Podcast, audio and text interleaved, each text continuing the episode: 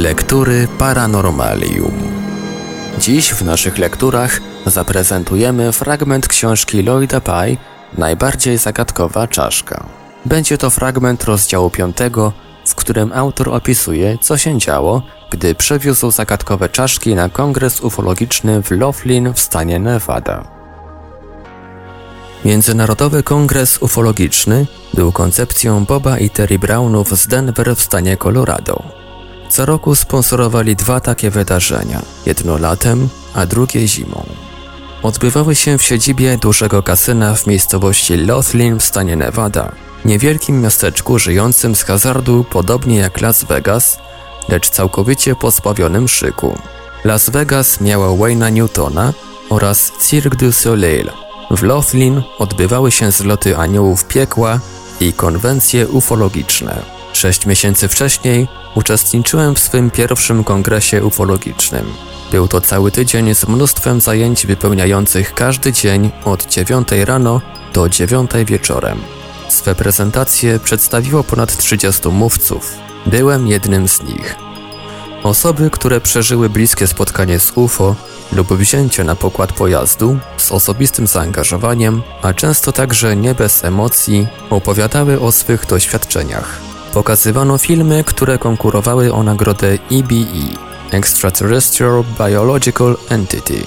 Pozaziemska jednostka badawcza, w skrócie PJB, to stosowane wśród członków rządu określenie na obcych.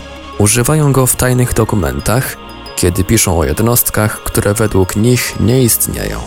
Dla znawców UFO EBE przyznawane w Laughlin stanowiły ekwiwalent kosmicznego, a czasem nawet komicznego Oscara. Cieszyły się one więc odpowiednim uznaniem producentów. Część sali, w której ustawiono stoiska, pełna była sprzedawców książek i nagrań wideo oraz dostawców niewiarygodnej gamy akcesoriów związanych z UFO. Moim ulubionym miejscem było to, w którym pewna kobieta handlowała metalowymi piramidkami do noszenia na głowie, dzięki którym możliwe było ściąganie piramidalnej energii do mózgu bezpośrednio z eteru. Ponieważ połowa materiału, o którym zwykle opowiadałem, dotyczyła badań nad hominoidami, wkroczyłem do tego świata jako kolejny obcy, choć nieco odmiennego rodzaju.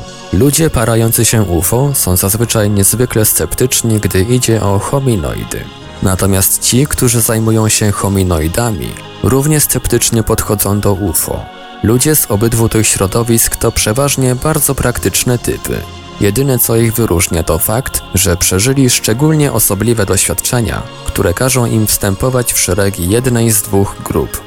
Niemal każdy znawca UFO widział w istocie taki obiekt lub też na swój sposób wie, iż są to zjawiska prawdziwe. Podobnie większość zwolenników teorii o hominoidach spotkała taką istotę lub też zna kogoś, kto widział takie stworzenie i komu bezwzględnie wierzy.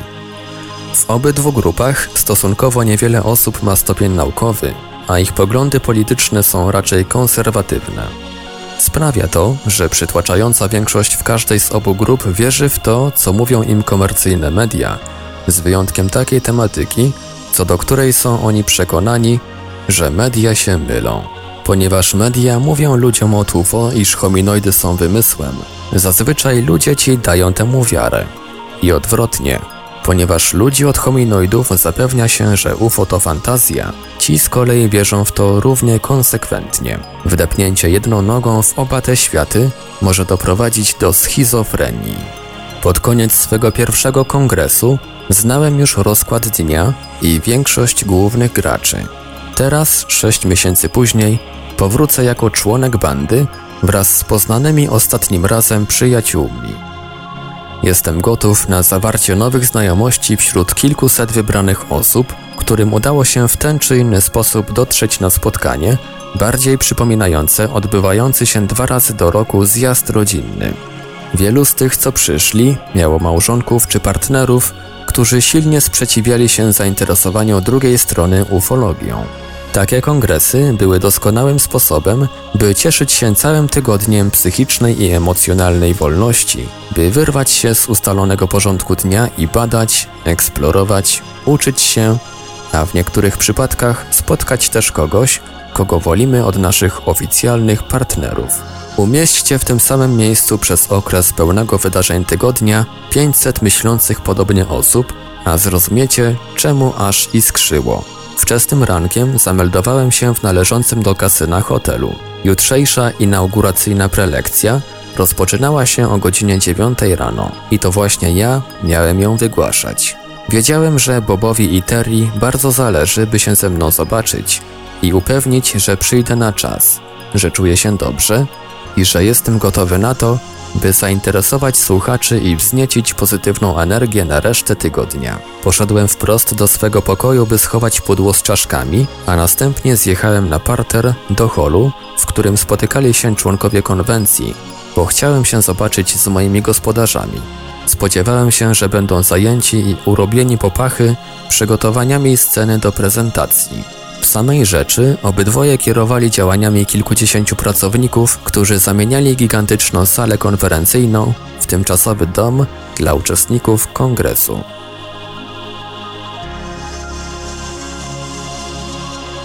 Był to fragment książki Lloyda Pye Najbardziej zagadkowa czaszka.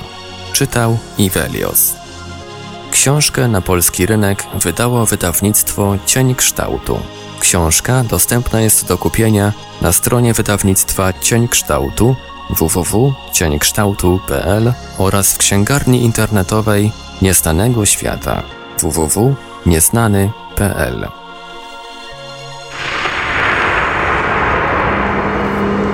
Lektury Paranormalium